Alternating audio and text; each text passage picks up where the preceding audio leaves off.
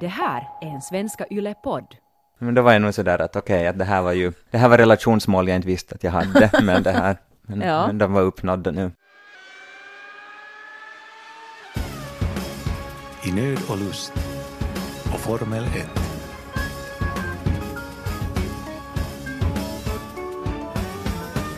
Välkomna till det tolfte avsnittet av I nöd och lust och Formel 1 med Oskar och Joppe. Före vi blev tillsammans så tyckte jag inte riktigt om ostbågar eller sådana här ostbollar. Eller jag, jag åt inte dem. Jag gav Mm. aldrig dem liksom riktigt en chans. Det här är en av, en av många så här nya kulinariska dörrar som, som vår kärlek har öppnat. För jag känner mig inte bekväm med att äta chips i ditt sällskap. Mm. Nu kanske lyssnarna undrar att, äh, är det nå, har, har jag någonting emot chips? Det har jag inte, jag tycker om chips och jag köper ofta hem chips de Mm. facto. Du äter ganska mycket chips själv. Ja. Jo, jag har misofoni. Som är överkänslighet för äh, smask och tuggljud. Ljud, ljud orsakade av munnen. Mm.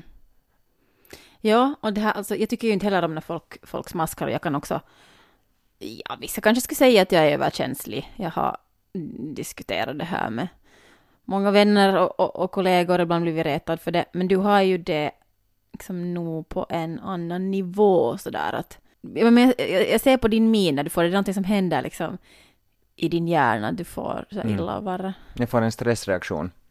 Alltså, det är reptilhjärnan som tar över det, antingen det så kallade fight or flight, alltså fly eller slåss reaktionen. Så jag blir att jag antingen måste bort från den här situationen eller så måste jag konfrontera den. För jag får en, jag får en stressreaktion av det. Och jag vill liksom springa bort och slåss samtidigt. Men, Men- ja. Men det är så. Det är så. Och mina kollegor på min arbetsplats vet ju det ofta och ändå så glömmer de bort det och sen så måste jag bara, okej jag går bort, jag går hit, nej men du äter där, aj jo förlåt, förlåt. Och jag måste vara Mm. öppen med det också och det finns, folk blir ju ofta väldigt sådär Ja, för det, Det- känns ju jätteanklagande när du jätte- säger det, är, sådär. det blir ju jätteanklagande och jag försöker säga det direkt och eh, så okonfrontativt som möjligt och säga att det är jag som har ett problem här, jag är överkänslig för sån smaskljud och, och du smaskar nu jättemycket så jag måste gå. Och Men sen varför så fort man säger att du det, säger att, jag du smaskar nu jättemycket, det är ju så att, vet, jag vet, folk blir att fittiga det. skambelägga någon. Ja, no, men det är inte, det är bara faktum. En del, en del, en del slafsar som svin. Mm. Nej, förlåt. En del slafsar bara jävligt mycket när de äter. Ja. och äter med munnen öppen och är väl, och så är det också det problemet att en del som också har munnen stängd när de äter så har så mycket ljud att jag inte klarar av det. Och då är det ju ingenting den här människan kan göra. En del har så här käkljud som det är bara klonk, klonk, klonk, klonk, klonk när den äter och det, det, det, det, det är hemskt för mig, det där ljudet. Så Mm. jag måste bort därifrån. Eh, oftast så brukar jag ju lösa det här med att sätta på radio eller något annat bakgrundsljud. Det är en väldigt vanlig så här taktik för folk med Mm. misofoni att ha bakgrundsljud på när man äter. Men jag, ja, jag, jag blir ju, jag, jag, jag, fattar ju det här och jag, Alltså vilken jävla tur jag har haft som att du ändå har det lite själv, så du faktiskt fattar det här. mm, ja, För att du skulle ju också kunna vara, vara en sån här Mm. som, aj jo förlåt nu äter jag med munnen öppen igen och, och så Vara äter, du, helt och så äter du tre ignorant. sekunder med munnen stängd och så äter du igen med munnen öppen. nej, nej, jag fattar det. Och, och jag, har, jag har inte något problem egentligen att eh, själv med, med, med ditt problem. Alltså jag är sådär, okej, men jag äter, eh, vet du, jag äter chips och knäckebröd bara när du inte är hemma. Eller så får vi lyssna på Meatloaf medan vi eh, äter chips. Eller kolla på en actionfilm. Men Ja. situationen var jag blir nervös är so- sociala situationer där det är andra människor och mera liksom mina människor. Om du äter, går på middag till, till min familj eller om jag har mina vänner eller mina kollegor på besök. Så då kan jag bli nervös. Att okej, vad, vad, hur kommer du att reagera över deras ätande? Och då kan jag på riktigt bli lite så konfrontationsrädd. Så du, blir du rädd för att jag ska säga något opassande där eller? Alltså jag blir, jag, blir, jag blir rädd åt alla håll. Jag blir rädd att, att mina kompisar ska smaska och jag blir rädd att du ska vara otrevlig. Och så, jag sådär, okej satan, Jag vad ska jag försöker- bjuda på? Okej, om vi äter glass!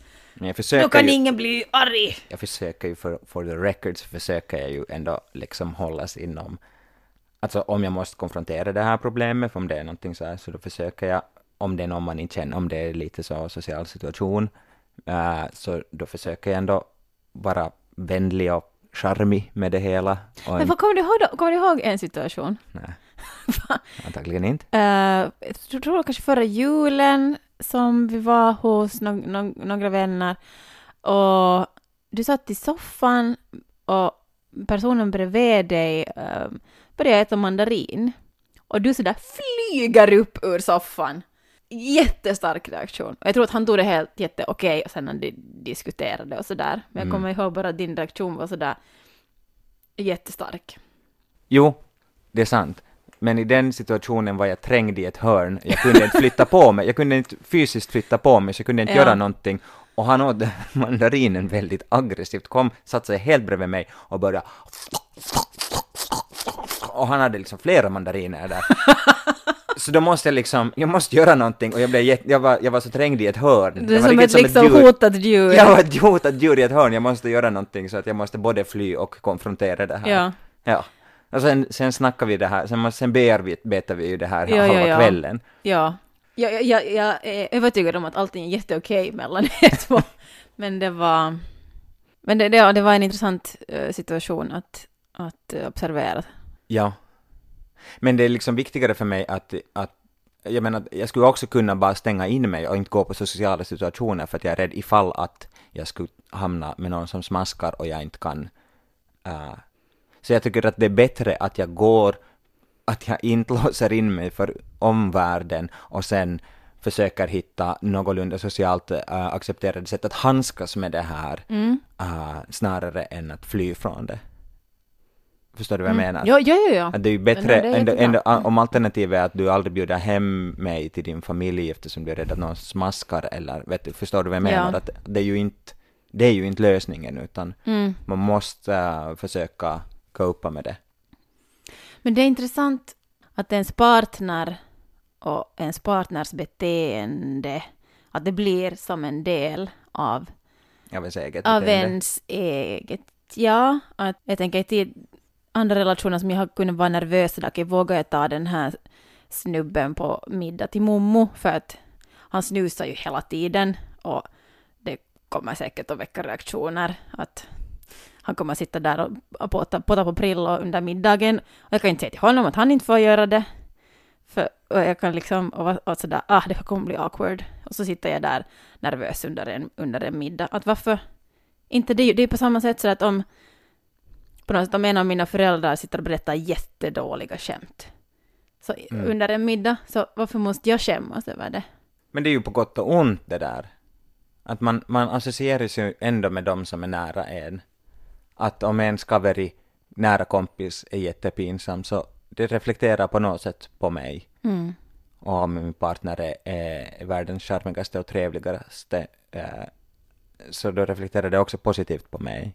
Nu gör det, det men inte kommer du ifrån det där inte. No.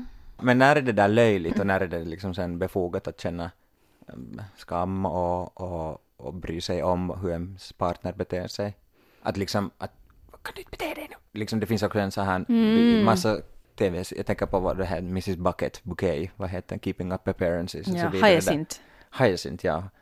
Hon som ska hela, att liksom att man ska vara någonting, man ska vara fin på ett sätt som inte är en själv och sen så, sen så är man jättepinsam Ja, ja, ja. känner Men, skam och, och pinsamhet för, om. men då, kan, då, då är du kanske det. nästan inne i sådär att, att eh, din partner är en någon sorts som accessoar till dig. Att, Ja, är vet du, att om det är den en, ena, om du skulle köpa all- typ alla mina kläder, en liten stil hur du skulle vilja att jag skulle se ut, och du skulle vilja att, vilja att jag skulle vara, då, jag, jag, blir- då blir jag på något sätt eh, en jättestark förlängning av din image. mm, Och då ska jag bete mig på ett visst sätt och då kanske sådär, om jag är för högljudd på några fester och du inte tycker nu att det är passande, så kan du känna, känna att, jag- att jag är pinsam. Och, ja, och då, då tycker jag, där, där, då är vi ute på fel vatten. ja.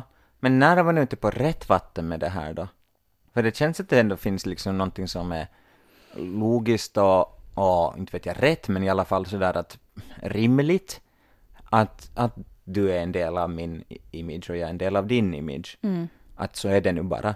Men när blir det liksom, inte vet jag, destruktivt, ute på farligt vatten, uh, Om du, försöker, om du försöker omforma den andra, tänker jag. Okej. Om du försöker förstärka sidor hos mig som jag kanske inte har och försöker få mig att... Och, säg, men men säg, ta, ta exemplet att, att jag beter mig, att jag tar för mycket plats.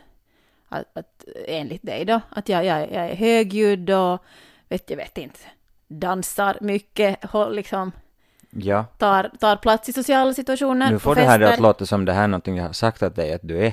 Det är ju inte sant. Nej, men Bara jag har sådana erfarenheter från tidigare. Aha, okej. Ja. Ja, Ehm. ja, bra, för jag, jag var sådär. Nej, nej, nej, det, Ja. det, det är inte något som, som, som du har gjort. Ehm, och, då, och, och då skulle tycka att jag är pinsam och då, på då, då, då inskränker du på den person jag är och vill vara. Ja, Och då, då är det ju eller då är det inte bra. nej. Men sen samtidigt kan det ju finnas någonting som jag skulle kunna be dig att hej, kan du för min skull med de här människorna tona ner den där sidan av dig lite bara ikväll? liksom. Också om det är någonting som, är, som är kanske lite mindre grundläggande i din Vilken person. sida skulle det vara? No, I don't know, om du skulle smaska jättemycket så ska, kan, du, kan du snälla inte smaska idag för att min chef är, har misofoni. Ja, no, jo. Eller kan, ja, eller liksom is inte dansa nakodans idag på min firmas lilla Men då julsfest. kommer jag inte.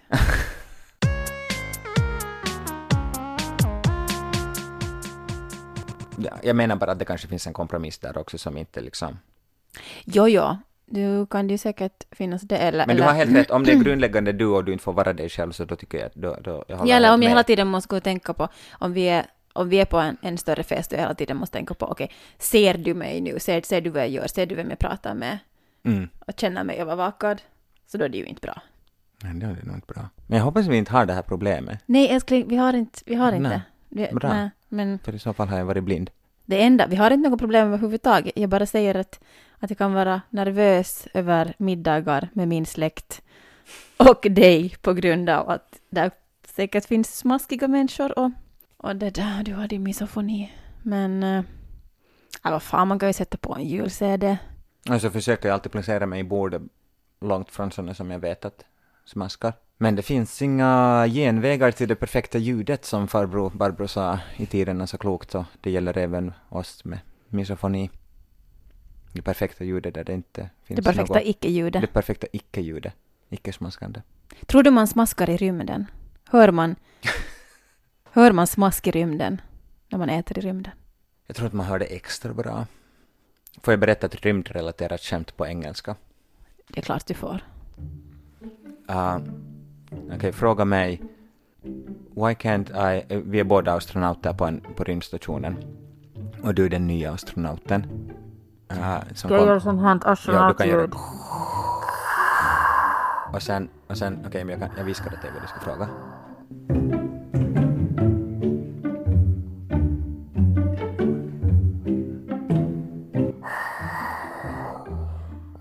Why can't I use milk in my coffee here at the space station? In space, no one can hear you scream. Jag förstår inte! Förstår du inte? Vadå ice cream? Vi pratar ju om No, mjölk. in space no one can hear you scream. Så finns det uttrycket in space no one can hear you scream. Så du hörde inte att jag bad om mjölk? Nej, nej, nej. Överhuvudtaget inte! Okej, okej, okej. God damn. Punkt ett, det finns ett vedertaget uttryck som heter att in space no one can hear you scream. Ja, I, det är- i, i, rym- jag med. I rymden för, kan ingen höra dig Ja, eh, skrika. yes. Ja, och så är det här skämtet då att eh, varför kan jag inte ha mjölk i, min, i, mitt, mitt kaffe? kaffe. Och så säger jag i, i rymden kan ingen här använda kräm, alltså grädde. Ah. Och så är det istället in space no one can hear you scream. Så det är liksom samma. Here, use cream. Ja! hear you scream. Det här var jättebra. Någon fick det här. Kan någon skriva in om den fick det direkt när den hörde det här? Det här, det här var skitroligt. Mm. Men du vet att jag, jag, jag skrattar inte väldigt sällan åt skämt. Ja.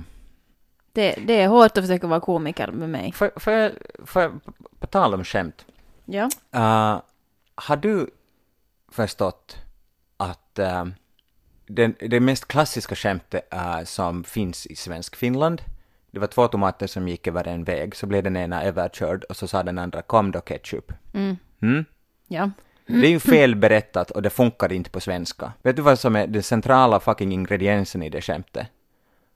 There was two tomatoes, Tomat. tomatoes, den ska, den ska berättas på engelska. There Ja. were two tomatoes walking, passing, uh, crossing a road. The other one got run over. Then the other, then the other tomato stops and says, Come on, catch up. Catch up. Ja, det Ja. är catch up Mhm. och ketchup Det som är är, det- ordvitsen. Det är det som ja, är det är en ordvitsen. ordvits. Ja, och den funkar ju fan med inte på svenska. Och det här berättar alla barn åt varandra som om det är jätteroligt, men de fattar ju inte egentligen vad det är som är roligt. Den man ena- borde säga "Ko- kom då tomatpuré. Ja, precis. Eller Kom då tom- tomatkross. tomat. Ja, Ja. sant. Det är catch up som är the fucking punchline här. Hör ni det alla barn? God damn it. Hej, ska vi tala något Formel 1-relaterat här i vår Formel 1-podd? Uh, ja, kan, kan du förklara vad, vad Verstappen har, han är inte tysk, förlåt, Verstappen. Vad har han måste göra för nå semi-samhällstjänst nu i veckan? Nej, det vet man väl nog inte vad, han, vad den där konkreta samhällstjänsten inte. är. Nej. Vad tråkigt.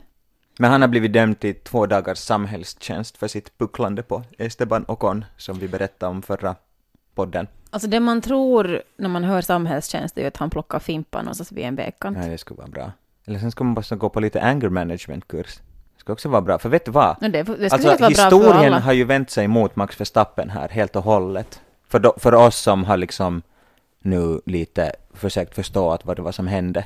Det är helt, alltså jag, alltså bara s- side note, det var ju ganska mysigt när jag låg i sängen med dig och visade Formel 1-video där vi tittade på när Esteban Ocon kör tre varv Formel 1, Mm. det där en vecka efter att det har körts. Och du är helt intresserad tittar med mig. Men då var jag nog sådär att okej, att det här var ju det här var relationsmål jag inte visste att jag hade, men det här, men, Ja. men de var uppnådda nu. Det där, i alla fall, eh, så, så visade det sig helt klart att det är Max, Max Verstappen som har varit en idiot från, första, från början till slut i det här. Det här Esteban Ocon, fransmannen, som, som krockade med, med Verstappen, som alltså ledde racet, och Verstappen blev arg som ett bi, uh, och började puckla på honom efter, efter själva racet. Mm. Så det där...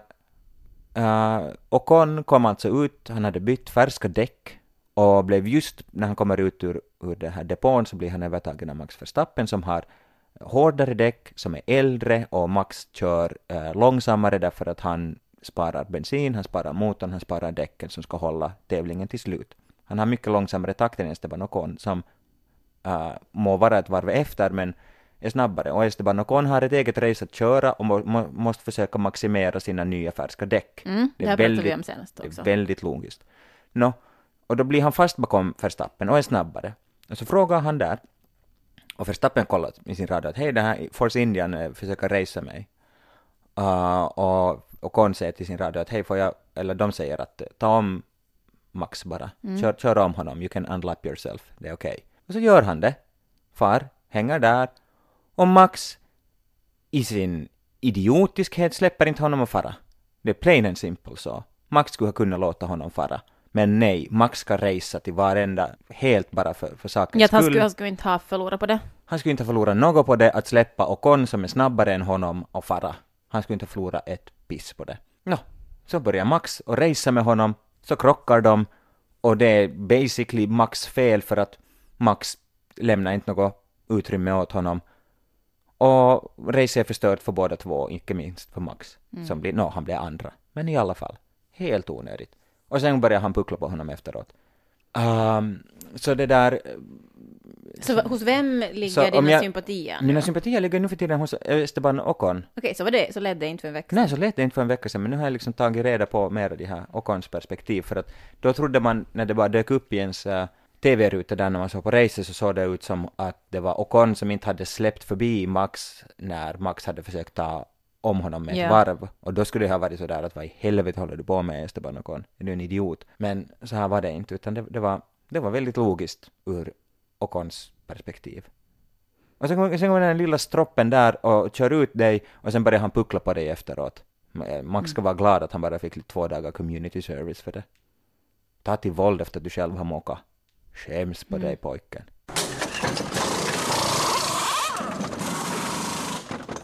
Ja, nästa vecka är det ju sista deltävlingen för i år i Abu Dhabi.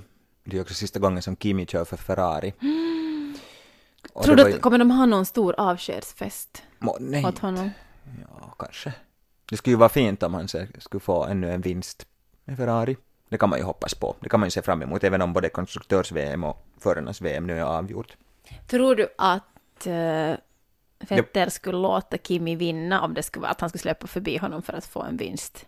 Oj! Den sista. Det, är- vet du, det till och med skulle kunna vara möjligt om omständigheterna är rätt, för Vettel och Kimi är ju nog vänner Ja, sedan länge. ja. Kimi var en av de första förarna som, som Vettel blev det där eh, kompis med. Det var ju i Abu Dhabi 2012 som Kimi sa de här legendariska orden ”Leave me alone, I know what to do”. Och då vann han. Så det där, det skulle inte vara helt fel. Så vi kan hoppas på något stora, sista bevingade Ferrari-ord av Mm. Kimi nästa söndag. Det skulle vara fint. Själva banan är ju pisstråkig. Det, den, är, den är bland de tråkigaste race. Som Varför har de eh, finalen där?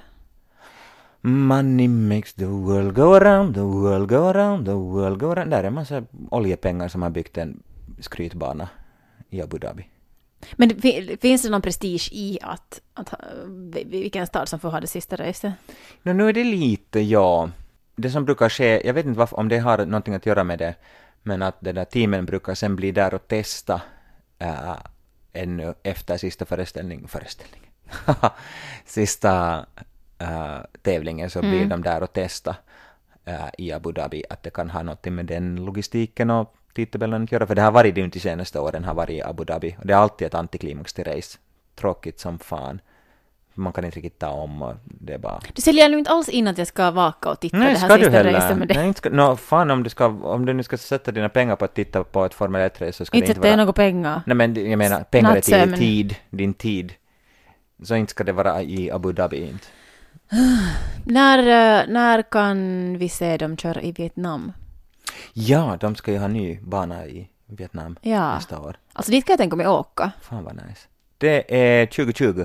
2020. Jag tror det var april 2020. Ska vi börja spara pengar nu? Ja.